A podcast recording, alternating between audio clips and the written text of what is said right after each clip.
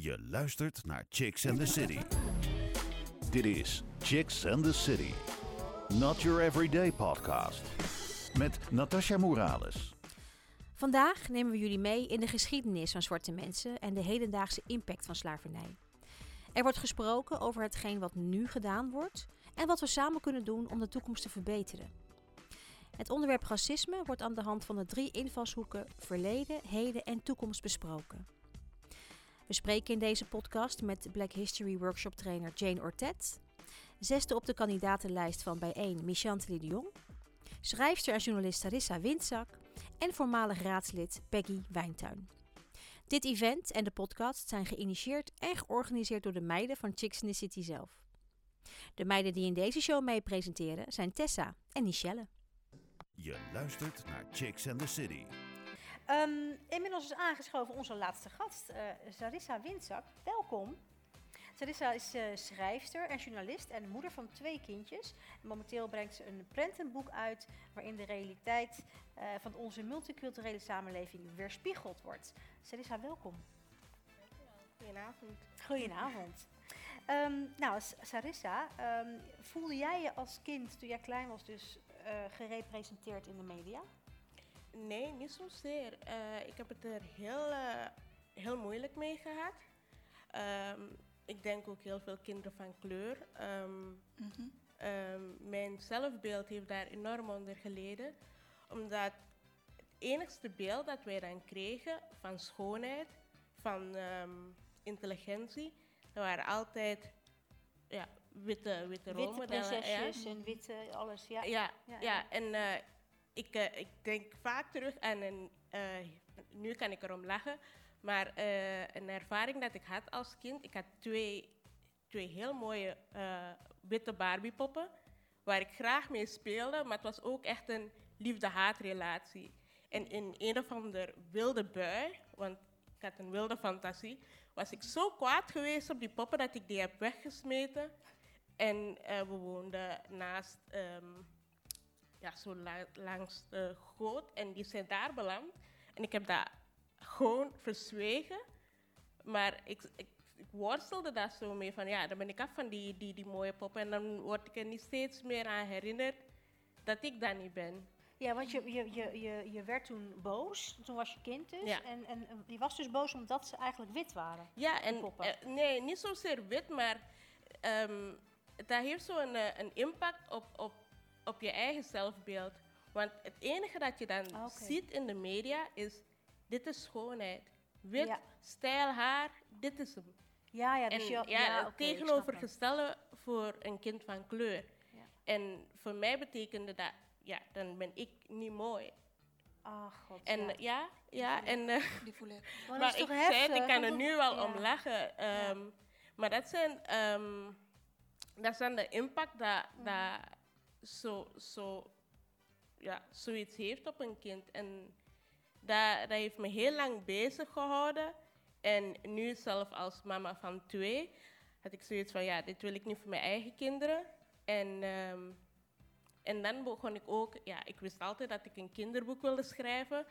Maar ik dacht ook van, ja, ik ga gewoon niet gewoon een kinderboek schrijven. Maar een kinderboek waar mijn jongens zichzelf in zien, waar mijn nichtjes en neefjes zichzelf in zien en elk ander kind van kleur. Want dat is uh, deze? Ja. Ja, liever niet. Mooi ook getekend allemaal. Ja, ja prachtig. Dat is getekend door uh, Simon Buis.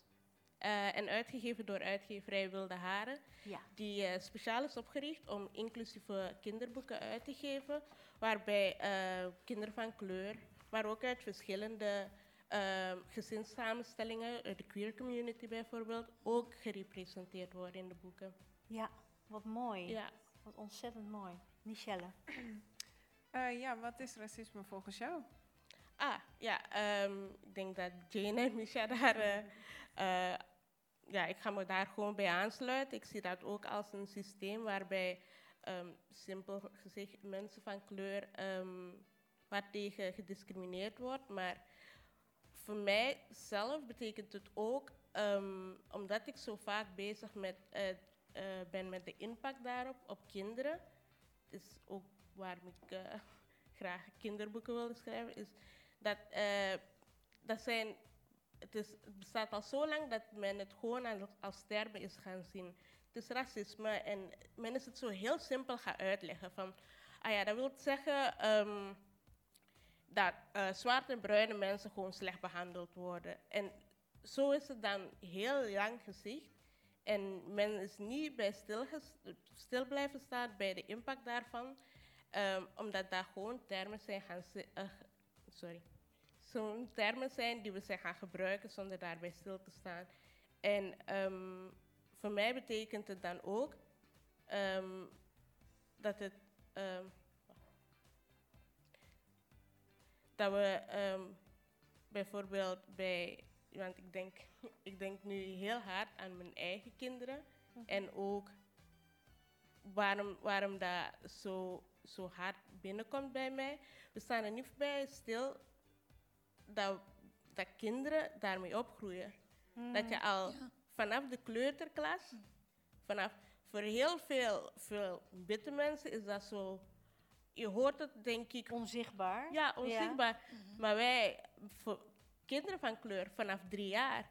Ik denk dat ik iedereen kan vragen, wat was jouw eerste racistische ervaring? Ja, en dat is voor, denk ik, heel veel mensen al voor hun vijfde jaar. Mhm. en, en het is ook daarom dat het zo hard binnenkomt, omdat ik weet, het is vanaf die leeftijd al dat je met die trauma zit. En het blijft maar opstapelen hoe ouder je wordt. En dat lijkt het lijkt voor veel mensen gewoon woorden of ja, je zet het in een laadje, dit is nu eenmaal gebeurd.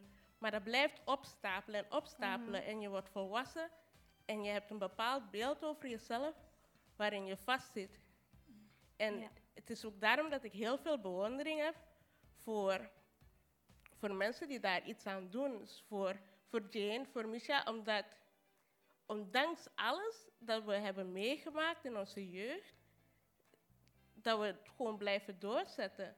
Dat we het ook anders willen voor, voor de volgende generatie, voor deze generatie. Ja, ja. ja mooi. Ja. Dankjewel. Ja. Ja. Want je, je, je zegt dat het komt heel hard binnen. Ik zag je ook een beetje emotioneel worden. Heb je een bepaald voorbeeld in je, in je hoofd wat met jou, uh, jouw kinderen of een van jouw kinderen? Nee, um, met mijn kinderen nog niet. Ze zijn heel jong. Maar daar, daar, ben je dan bang voor? Ja, mijn zoon is al zeven. Um, hij is... Um, we proberen als ouders uh, de communicatielijnen heel open te houden. Maar um, ik denk ook aan mijn eigen jeugd. En ik had ook een heel goede communicatielijn met mijn ouders. Ik kon daar goed mee babbelen. Maar dat wil niet zeggen dat ik hun alles vertelde. Hmm. Dus ik probeer altijd te polsen, hoe was je dag, hoe denk je hierover? Ja. Omdat ik niet wil dat, de, dat dat binnen blijft, dat hij dat, hij dat opkropt voor mijn jongste. Dat, die is al blij dat hij twee stappen buiten kan zetten. Maar um, ik ben daar heel hard mee bezig en ik hoop dat die dat die zich op zijn gemak voelt om, om dat te zeggen tegen mij, zodat ik dat ga opvangen. Maar ik weet dat dat niet zo zal zijn. En daarom vind ik het heel belangrijk dat wij, de huidige generatie, al blijven timmeren dat het tenminste dat, dat jongeren daarover durven te praten. Maar ook dat uh, hun witte vrienden of dat een, een witte schooljuf ook uitspreekt wanneer het misloopt. Mm ja. Ja, ja, ja, precies. Um, in 2020 deed de Universiteit Leiden onderzoek naar personages van kleur in Nederlandse boeken voor jonge kinderen tot 6 jaar. Hieruit bleek dat van de 2053 personages in 64 boeken 84% de huidskleur wit was en maar 16% uh, van de per personages een kleur had. Waarom is het voor kinderen belangrijk dat ze zichzelf kunnen herkennen en daarnaast ook de diversiteit te kunnen zien? Ja, ja, ja, dat onderzoek ken ik. Het is heel belangrijk zodat, ja, zodat ze een, een, positief zelfbeeld hebben, maar ook dat ze zien dat alles mogelijk is voor hun. Dat het niet maar aan, um, ja, aan, ja, aan witte klasgenootjes zijn, dat, niet, dat zij ook zelf kunnen opgroeien um, en alles kunnen, um, alles kunnen bereiken. Want dat momenteel, zoals het is, het betert, maar we zien niet genoeg rolmodellen van kleur in de media, maar ook niet in boeken, om te zeggen, ja, oké, dit is ook een andere ervaring en die lijkt op mij, dus ik kan dat ook. Dat is onvoldoende. En dan heb je witte personages of dieren. Uh, emoties worden, de emoties van een kind, um, ik denk dat uitgeverijen het dat gemakkelijker vinden om de emoties van een kind uh, te weerspiegelen door dieren. Zodat het niet, het is gemakkelijker te verteren, denkt men. Maar als je een dier ziet, een, ik denk maar een kind van kleur, denkt niet, ah ja, dat kan ik ook zijn. Um, je hebt je boek liever niet uitgebracht bij uitgeverij Wilde Haren. De uitgeverij van boeken met illustraties die onze diverse samenleving weerspiegelen. Is dat ook de reden waarom je voor hun hebt gekozen? Ja, eigenlijk wel. Het was uh, heel toevallig.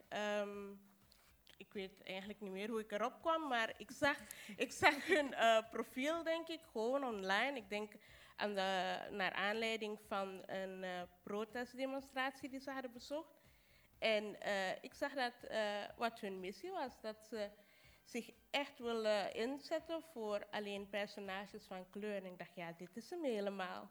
Want ik had daarvoor al enkele uitgeverijen benaderd met mijn idee, met mijn manuscript. Maar vrij snel um, ja, kreeg ik nee in mijn mailbox. En dacht, ja, um, build your own table. Ik geef het wel zelf uit. En uh, ik kwam heel toevallig op hun profiel.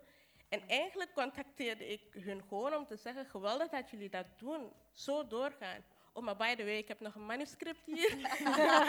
van, uh, weet je, shoot your shot. Van, ja. mochten jullie geïnteresseerd zijn. Um, en daar waren ze. En ik was, uh, ja, dolgelukkig. Ja. Leuk. Cool. Heel leuk. Goeie match. Ja, ja. dat uh, geloof ik echt wel. Ja. Oh, ik ben echt blij om dat te horen. Tessa. Um, wat zijn nu voorbeelden van uh, initiatieven in de media die het, uh, die het nu goed doen op het gebied van diversiteit en inclusiviteit, bijvoorbeeld uh, cargo confetti? Nou ja, cargo confetti is dan mijn eigen webshop. Bedankt. um, naast, naast mijn eigen kinderboek ben ik, um, kwam ik vorig jaar ook op het idee van, weet je wat, um, in plaats van overal te moeten zoeken naar kinderboeken of zelfs speelgoed, Um, met uh, kinderen, voor kinderen van kleur of gewoon met verschillende uh, gezinssamenstellingen, dacht ik, um, ja, ik doe het gewoon zelf. Dus ik zette aan het begin van dit jaar, uh, lanceerde ik mijn eigen webshop, um, waar ik speelgoed en ook kinderboeken verkoop. ja, die een weerspiegeling zijn van onze samenleving. Um, het gaat goed omdat ik denk dat mensen sinds vorig jaar ook meer bewust zijn van het belang van diversiteit en ook het belang van representatie en, en de impact van racisme. Dus het gaat goed daarmee. Uh, daarnaast vind ik ook heel goede initiatieven, uh, de initiatieven van uitgeverijen zoals Rose Stories um, en in België Studio Sesam, die zich ook helemaal uh, en ook natuurlijk uitgeverij Wilde Haren, die zich helemaal inzetten om op personages die effectieve weerspiegeling zijn van de maatschappij. Oké, okay. goed om te horen. Um, krijgen schrijvers van kleur dezelfde vrijheid om hun verhalen te vertellen uh, als witte schrijvers? En welke invloed heb, heeft een uitgeverij hierin? Uh, persoonlijk vind ik van niet. Mm -hmm. Het is heel moeilijk om uh, voet in de deur te krijgen daarbij. Klopt. Um, ik merk heel vaak dat uh, er is een veel voorkomend excuus dat bij schrijvers van kleur of met een migratieachtergrond dat de taal niet sterk genoeg zijn. Mm. er worden heel veel excuses bedacht zo, zodat we geen kans krijgen en onze verhalen worden dan verteld door witte auteurs. Mm. En dat ja. vind ik enorm frustrerend. Mm -hmm. Maar zeker ook ja. met um, de, de bewustwording die sinds vorig jaar in gang is gekomen. Uh, er wordt heel veel verteld over onze, onze ervaringen, maar niet door onszelf. Ja. Dat wordt gedaan door. En ik ben heel blij voor onze witte bondgenoten enorm dankbaar. Maar ik merk dat wij dan nog altijd niet de kans krijgen om over onze eigen ervaringen te praten. Ja. We krijgen, en, en het is hetzelfde bij uitgeverijen. Ehm, die kiezen, merk ik nu, bewust voor, ja, we gaan, eh, we gaan diversiteit in onze kinderboeken smijten. Dus ze zetten gewoon een, eh, ja, zo'n beetje de paint bucket tool even erop smijten. ah ja, daar, we hebben een, eh, een donkere personage op de koffer. Maar het verhaal, daar verandert er niets aan. Er zit niets van onze ervaringen. Er zit niets. eh, het is een, een, een, eh, een cultuurneutraal boek, maar daar blijft het ook bij. Het is gewoon, ehm, ja, gewoon een vinkje zo van, ja, zie, wij hebben dat ook gedaan Mm. en daarmee is het opgelost. Ja, Ja. precies. Wat is de rol van het publiek, ehm, ja, het publiek, de consument, bij het stimuleren van meer inclusiviteit in de media? uitspreken, denk ik. Ehm, we, praten er heel, we praten heel veel over diversiteit. Ehm, maar ook in eh, gevallen waar racisme plaatsvindt, vind ik het enorm belangrijk dat mensen zich uitspreken. Het is een enorm pijnlijk gevoel als je, als je iets meemaakt en je wordt uitgescholden en je kijkt in de ruimte, je zoekt naar hulp en niemand zegt iets. Mm. Dat is enorm pijnlijk. En ehm, Ja. ik vind het dan ook belangrijk dat. Ik vind het heel goed. Ik vind het belangrijk dat wij onze verhalen kunnen vertellen. Maar ik vind het net zo belangrijk dat de anderen daar, daar ja, ik wil niet zeggen voor ons opkomen, maar zich ook uitspreken van als iets fout gaat. Kijk, dit is het. Zich Verander ook verantwoordelijk voelt Ja. eigenlijk. En ja. dat moeten ze dan ook doen in de media. Er wordt een heel ehm, eenzijdig verhaal verteld. En ook heel, er wordt heel eh, veel gesproken over zij hebben dat meegemaakt. En ehm, de taal die daar ook in wordt gebruikt is, eh, ehm, dit, zou zijn, dit zou gebeurd zijn. Maar niet dit is gebeurd. Het is zo altijd zo, Mhm. ja, we weten niet goed of het echt is gebeurd, maar dit is wat er wordt voorgesteld. Maar nee, dat is niet hoe, hoe het in elkaar zit. Je, de dingen worden niet benoemd en dat blijft altijd een wij tegen zij verhaal. Terwijl we dan samen moeten komen en dat kan alleen als, als iedereen zich uitspreekt over racisme. En ook, ja, dan gaan we werkelijk diversiteit, eh, over diversiteit kunnen praten. Ja, Mooi gezegd. Ehm, er zitten natuurlijk heel veel mensen in de zaal en er kijken natuurlijk ook heel veel mensen eh, thuis mee. Ehm, ja, sommigen willen zich misschien wel meer in dit onderwerp verdiepen. Heb jij nog boeken, naast die van jezelf natuurlijk? Of Eh, podcast, of Heb je nog eh, podcasts films. en films en eh liedjes? Ehm, dingen?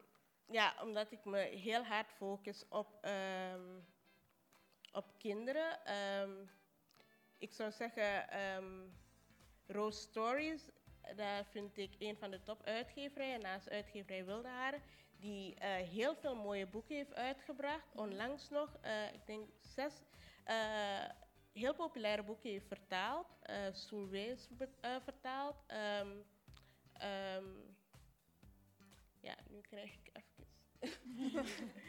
maar ze hebben ook Ik Ben Bruin. ehm, en bij podcast, ja, dat is eh, denk ik heel persoonlijk. Ik eh, had het onlangs over eh, De Tijd zal ons leren van Romana Vrede, dat ik een heel mooie podcast vind, die veel vertelt over, ehm, over de slavernij, maar ook over, ehm, over Afrikaanse helden en Afrikaanse helden in Suriname. Oké, Ehm, cool. Ik eh, luister ook heel graag naar ehm The Read. Ik weet niet in hoeverre jullie dat kennen.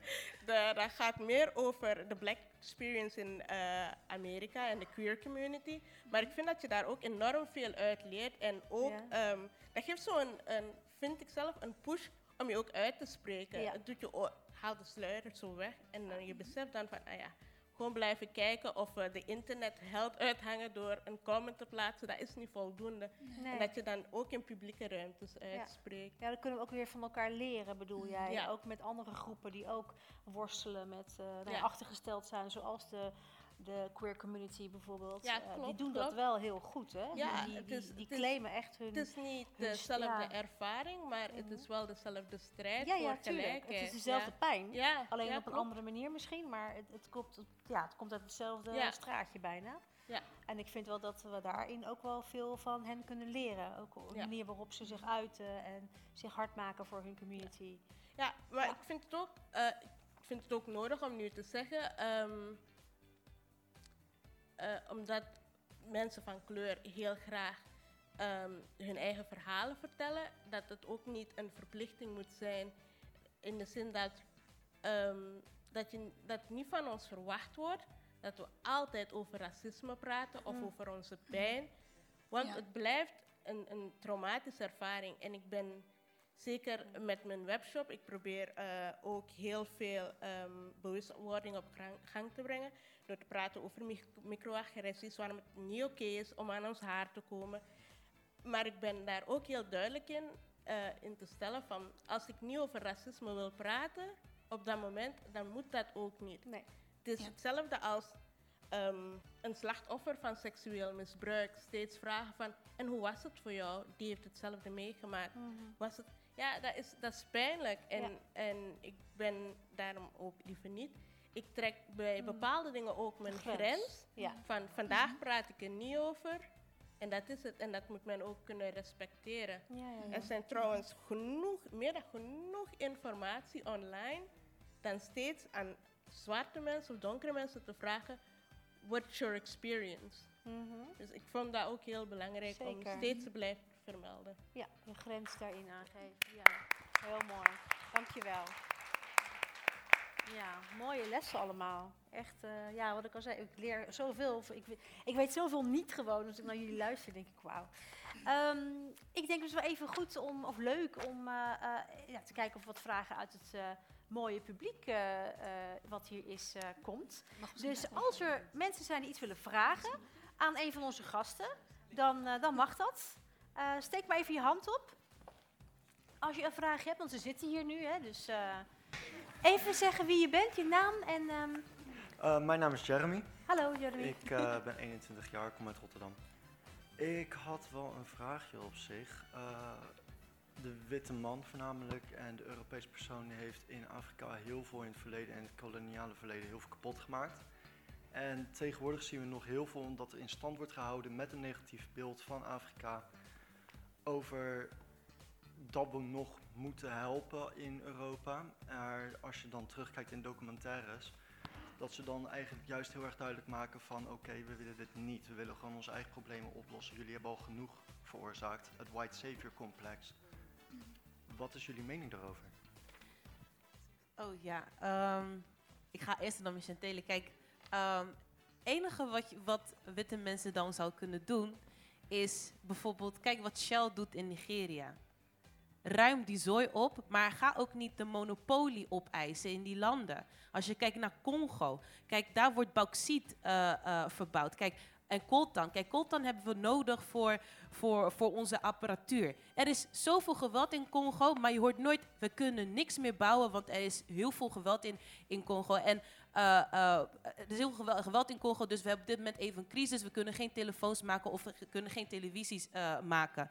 Maar aan de andere kant hoor je wel in Congo dat multinationals, waaronder ook Nederland, geweld gebruiken om mijnen veilig te stellen. Dus het is niet zo dat Europa daar naartoe moet gaan en alles moet helpen. Nee, zorg voor eerlijke handel. Zorg ervoor dat je niet de monopolie opeist in, eh, in, eh, in, in Afrika. Kijk bijvoorbeeld naar eh, een gerecht, was een, een, een nationaal gerecht van Ethiopië. Een Nederlandse man wilde patent zetten op, op een nationale gerecht. Dat, dit soort voorbeelden. Dus eh, even om jou of, zeg maar, vraag eh, te beantwoorden. Het enige wat wij hier kunnen doen is zorgen voor eerlijke handel. En zorgen voor, zo- voor zorgen dat de monopolie niet in de handen ligt van westerse bedrijven. Maar van eh, Afrikaanse bedrijven, zodat ze ook daadwerkelijk een eigen land kunnen opbouwen. Ehm, het is eigenlijk heel simpelweg, ehm, be responsible for your shit. Dat is het gewoon. Om het even heel erg eh, kort samen te vatten. Het is inderdaad dus niet dat inderdaad wat Nederland bijvoorbeeld doet aan Curaçao. Het is dus erkennen van oké, we hebben dit veroorzaakt. Het is tijd dat we ons terugtrekken. Het is tijd dat we in principe ook dingen terug gaan geven en daar niks voor terugvragen. Je hebt nog steeds eh, eh, bepaalde Afrikaanse landen die nog steeds schuld hebben naar bijvoorbeeld Frankrijk. Nou, weg met die schuld. Sterker nog, laten we even wat rente terug gaan betalen. Er zijn echt wel dingen die Europese landen kunnen doen.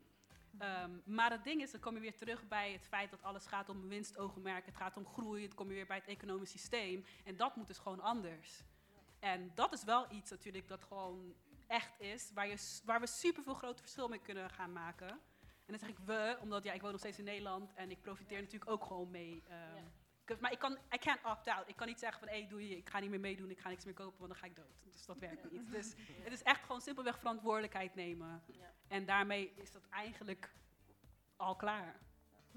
Dankjewel. Ja. Dankjewel. Dankjewel voor je vraag. Is je vraag ermee beantwoord trouwens? Ja, Ja, mooi. inmiddels een twee Mooi. bedacht alleen.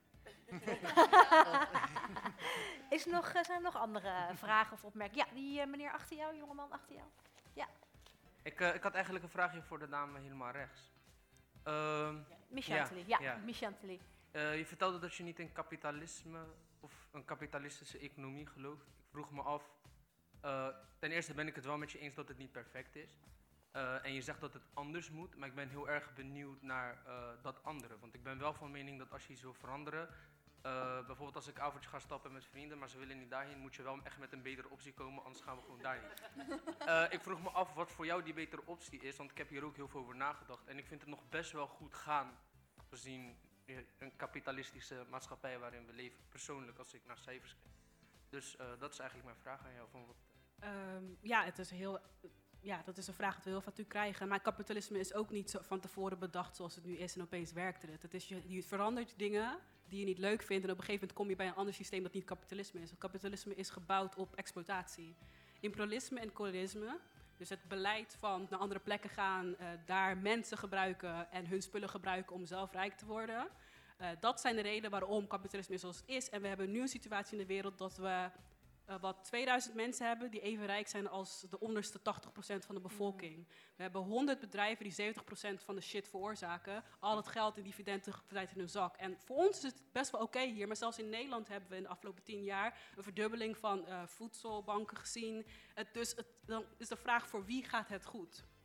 En nu wat we nu doen is voor de mensen die wij kennen en onze omgeving gaat het goed. Maar ik kan, ik kan best wel goedkoop tomaten halen omdat ergens anders in, een ander land iemand anders er niets voor kreeg. Of zelfs onze eigen boeren worden ehm, uitgemolken door multinationals. Ja. Dus ik ben dus voor beginnen met die dingen aan te passen.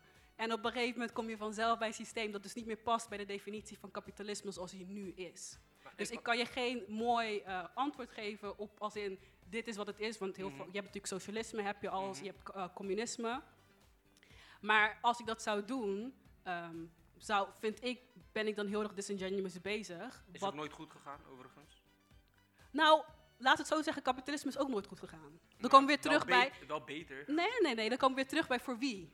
Ja. Afrika is helemaal leeggeplunderd. ons, ik vind, eh, als ik even mag inhaken, Ja, tuurlijk. wij behoren met z'n allen in deze zaal tot de 1% rijkste mensen van de wereld. Nou, dan, En de armoedegrens, ook al is die best wel laag, is in de afgelopen 40 jaar gehalveerd. Dus mijn wereldbeeld was best wel negatief, totdat ik achter deze feiten kwam. Maar de feiten zijn ook weer geskewd, want ehm, bijvoorbeeld wij hebben allerlei standaarden voor bijvoorbeeld een goed leven dat gewoon niet meer klopt. Dus als ik bijvoorbeeld zeg van nou de grens om ehm, niet arm te zijn is ik zeg maar eh, 500 eh, dollar of zoiets eh, per maand op een plek waarvan ik acht als een westerling dat je daarvan kan leven en het is helemaal niet waar zo.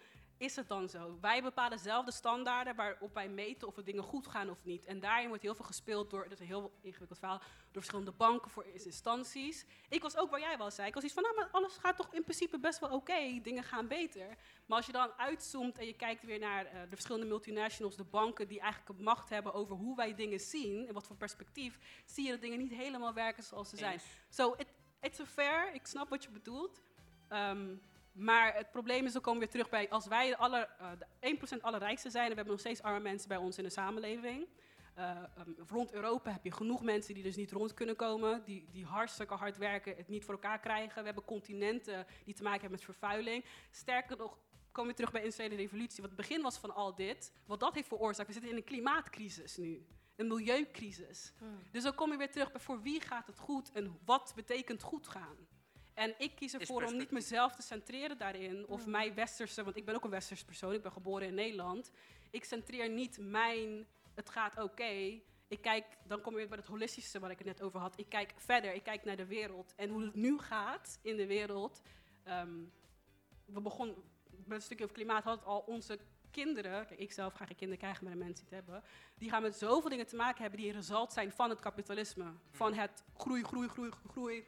Van eh, het bruto binnenlands product is bepalend voor hoe het met ons gaat. Elk jaar krijgen we weer een idee van, oh, eh, alles gaat goed met de koopkracht. En dan komen we daarna achter van, oh, toch niet, na de Prinsjesdag. Al dat soort dingetjes eh, spelen hier ook een rol, denk ik. En ik wil best wel zo meteen nog even mijn gesprek met Nee, je ik hebben, wil je heel sowieso bedanken voor je antwoord. Ik ga niet inhaken op alles wat je hebt gezegd, want ik ben het met een groot deel niet eens. Maar ik wil je Dat bedanken fair. voor je antwoord. Ik ga de tijd ook verder niet eh, nemen, maar echt hartstikke bedankt voor de informatie die je mij hebt verschaft. Ik ga erover nadenken, dankjewel. Ja, ook bedankt. Helemaal goed. Nee, jullie kunnen nog, eh, daarna nog eh, aan het einde van de show nog even de borrel eh, even verder kletsen misschien, als jullie daar zin in hebben. Nog een andere vraag misschien. Iemand die nog een reactie heeft. Ja, heeft u een vraag? Wat is uw naam? Ik ben Katie, Catherine, Hallo. Hi. Thomas. Oh ja, oké, helemaal goed. Ja, Ja? top. Heel even, heel even een kort, eh, want u zei aan het begin, 17 jaar bent u bezig met Chicks in the Ja. City. Klopt. Tijd dat u het verandert in Chicks and Women in the City. Want wij hebben, ik ben iets ouder, het- hè? maar wij hebben ook veel te vertellen. Ja. Ik woon 52 jaar in Nederland. Ik heb ook veel gezien, veel meegemaakt. Maar het, ehm, ja, ik wilde zeggen, wat is de definitie van racisme eigenlijk? Jullie hebben het eigenlijk een beetje beantwoord. Is het een gevoel? Wat is het eigenlijk? Wanneer voel je je gediscrimineerd? In je werk of eh, in een winkel? Ik weet het niet. Ik denk, racisme is een thema. dat- Het is niet alleen voor vandaag. Daar moet nog meerdere dagen. Het is, een, het is belangrijk, maar in één woord, in één avond kan je dat niet eh, Nee. definiëren. Maar mijn, hart gaat uit naar jongeren. Mhm. Ik vind van, geef ze de tools Mhm. om te bewapenen. Vooral in werk. Want ik merk het met mijn eigen zoon. Als hij gaat solliciteren, ehm, hij krijgt een brief. Hè, de, is niet op je gevallen. De keuze. En dan zeg ik soms, ja, ik bemoei me toch met jongen, is 50, maar toch. de zwarte moeder. En dan zeg ik van, ja, wat ga je eraan doen? Heb je gevraagd? Heb je gebeld? Heb je gevraagd waarom? Nee, nee, laat maar. Ja. En dat is de problem. Mhm. You know, en dat bedoel ik van bewapen ze. Vanaf maybe, misschien 10, 12 jaar beginnen ze je te verbaal, Sterk te niet maken. agressief. Ja. Ja. Ja. Ik bedoel, er zijn genoeg jongeren die het goed doen, Mhm. maar die toch die klein beetje begeleiding nog nodig hebben.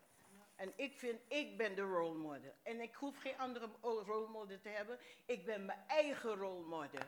Want ik vind, ik had het nog verder kunnen brengen dan wat ik tot nu toe gedaan heb. Dat is wat ik wil.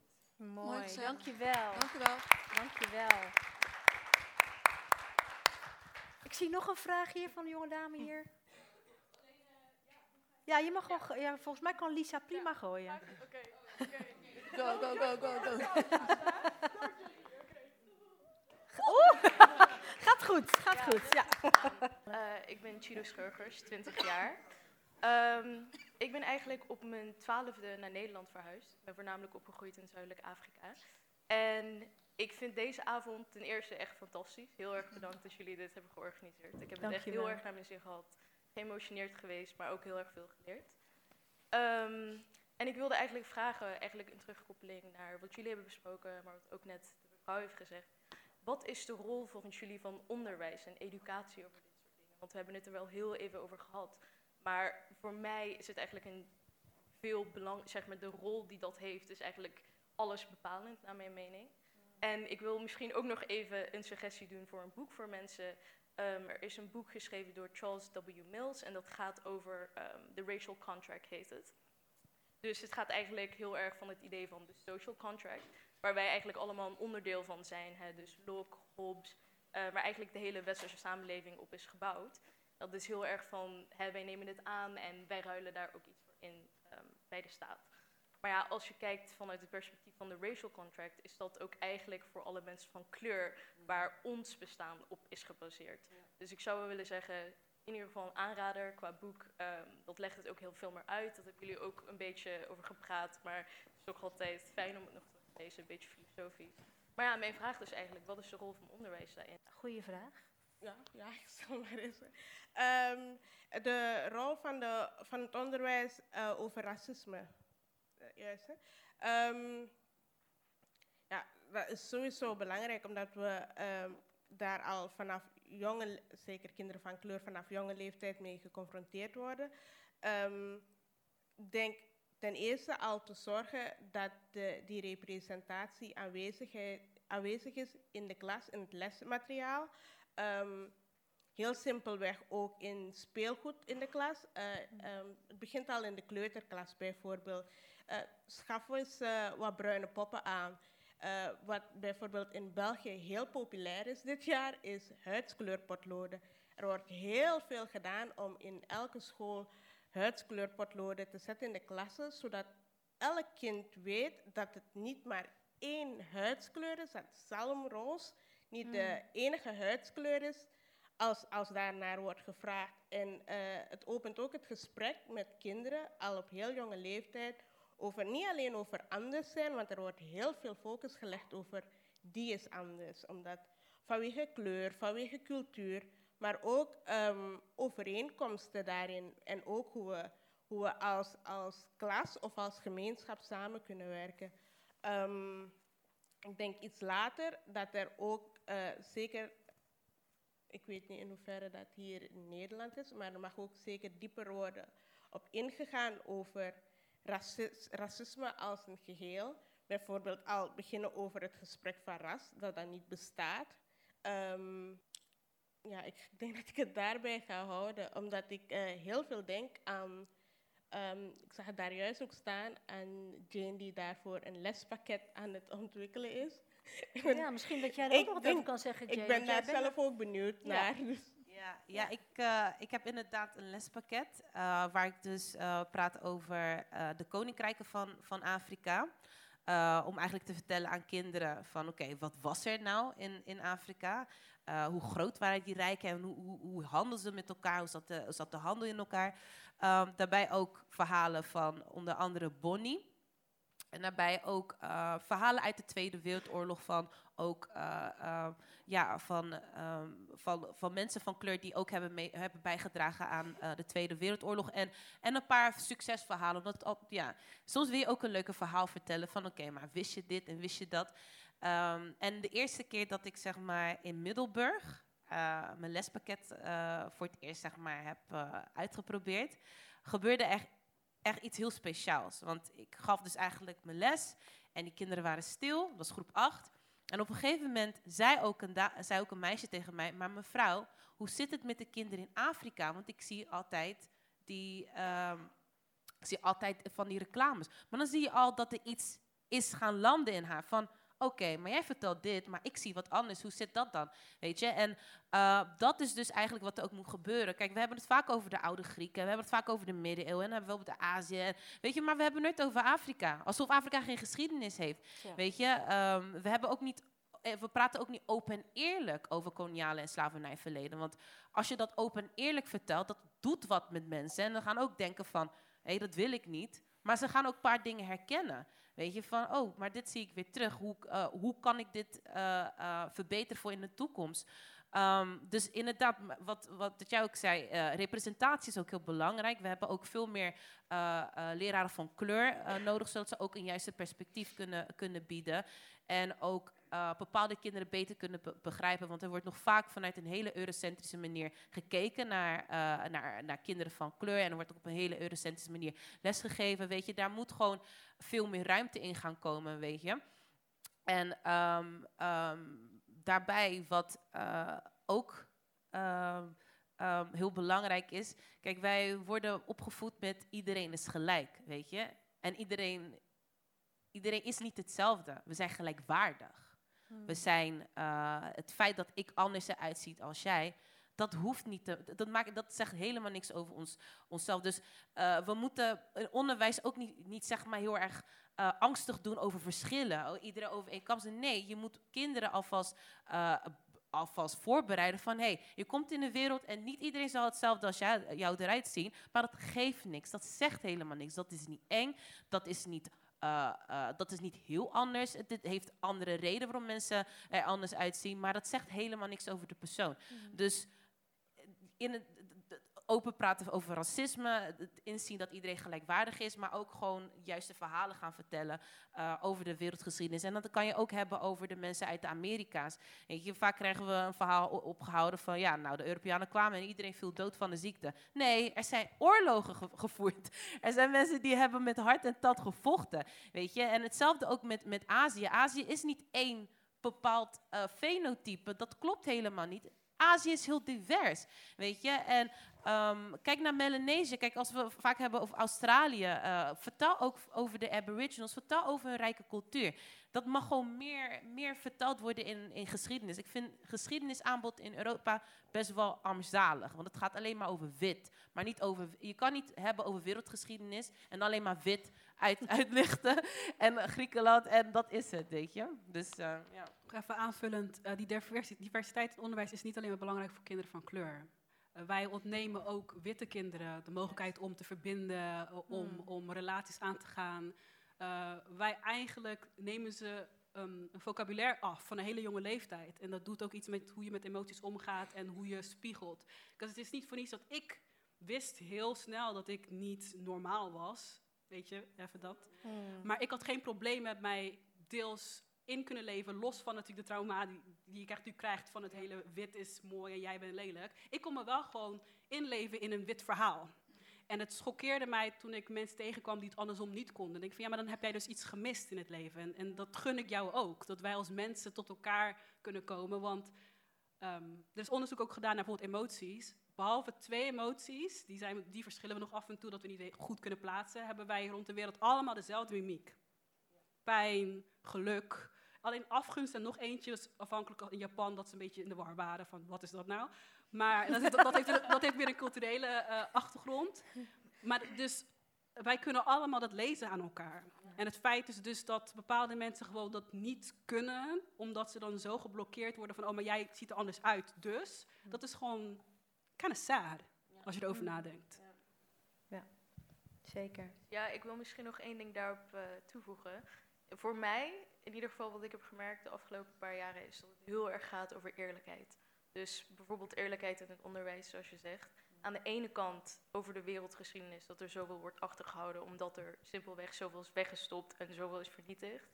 Maar aan de andere kant ook toegeven over de eigen fouten die bijvoorbeeld Nederland heeft gemaakt en de rol dat wij daarin hebben gespeeld. En dat wij een soort van als klein landje tot de dag van vandaag zo'n grote invloed hebben op het wereldtoneel.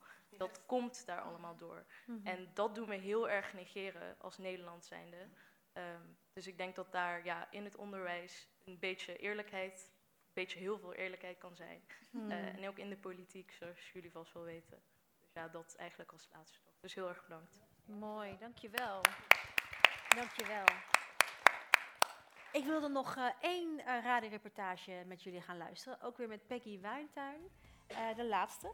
En daarna gaan we de avond afronden. Dus laten we gaan luisteren naar een reportage met Peggy Wijntuin.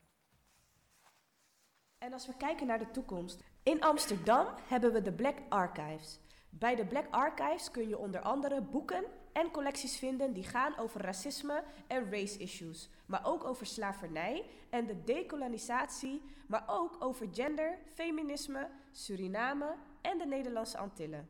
Is er in Rotterdam ook behoefte aan zo'n ruimte? Waarom wel of waarom niet?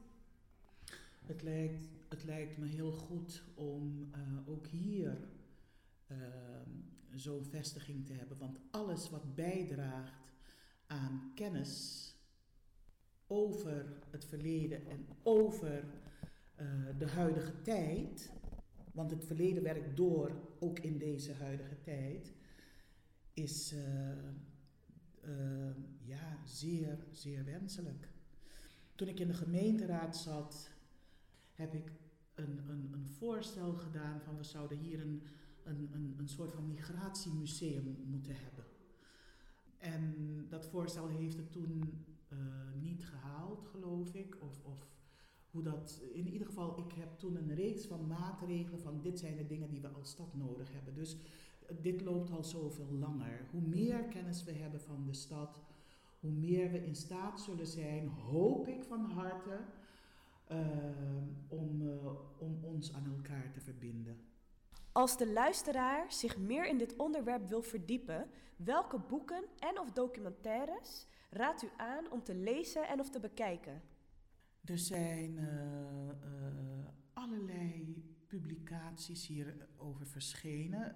je zou kunnen beginnen met Hallo Witte Mensen van Anusha Ntsume. Sunny Bergman, die ook mooie documentaires heeft gemaakt. En dan is er natuurlijk ook een site zoals withuiswerk.nl, om maar wat te noemen. Wat zou u onze luisteraars nog willen meegeven? Um, het is zo ontzettend belangrijk om zonder angst, zonder vrees te gaan voor de dromen die je hebt. Te geloven in jezelf, want de ander zal misschien niet in jou geloven, maar als jij in jezelf gelooft, dan weet ik zeker dat je stappen zult zetten die alleen jij kunt maken. Dus het vertrouwen in jezelf is hoofdstuk 1.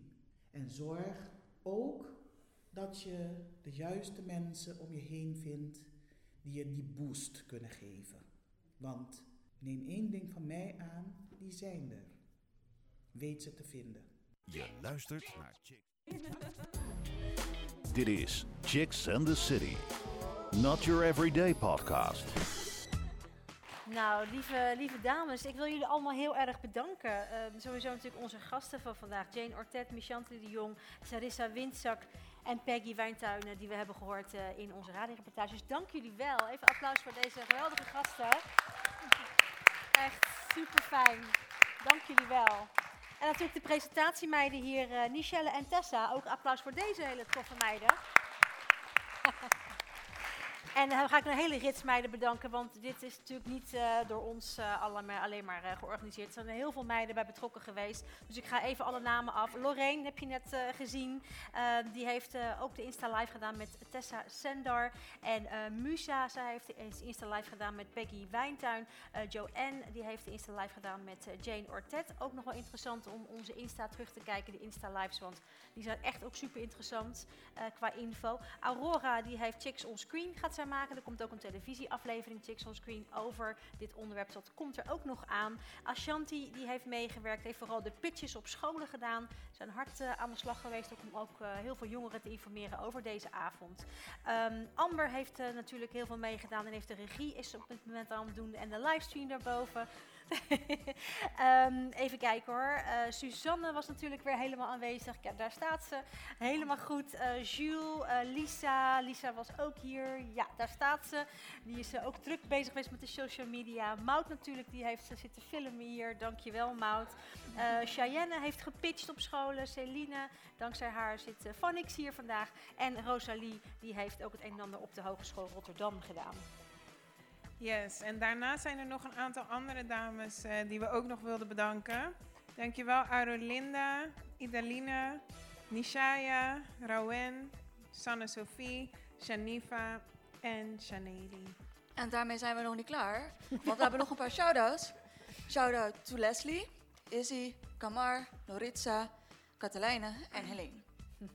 En de scholen, een aantal scholen die hebben meegewerkt en hebben gezorgd dat uh, ook dit heel erg uh, bij uh, de studenten onder de aandacht is gebracht. Dat zijn het Albeda College en het Grafisch Lyceum. En de docenten daarvan zijn Giovanna Zagarella en Jolyn Fortes. Dank jullie wel voor jullie hulp. Oh ja, en... ehm, en natuurlijk niet te vergeten, de mother of all the chicks Oh. in the city. true, Natasha, true. Oh, dankjewel dankjewel. voor alles. Dankjewel. Nee, ik wou net beginnen over de bloemen. Er moeten bloemen komen, eh, dames. Dus eh, we gaan even bloemen geven.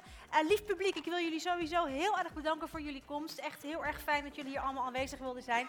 Ik hoop dat jullie het ook heel erg fijn vonden. Ehm, er is nog een borrel aangeboden door de bibliotheek. Dus ik zou zeggen, laten we lekker nog even met elkaar nababbelen als we dat willen. En eh, ik zie jullie graag eh, bij de borrel. Dank jullie wel, tot de volgende keer. Doei! Chicks and the City. Volg ons op Instagram, Chicks and the City Podcasts. Like ons op facebook.com slash. De volgende show? Lees het op chicksandthecity.nl.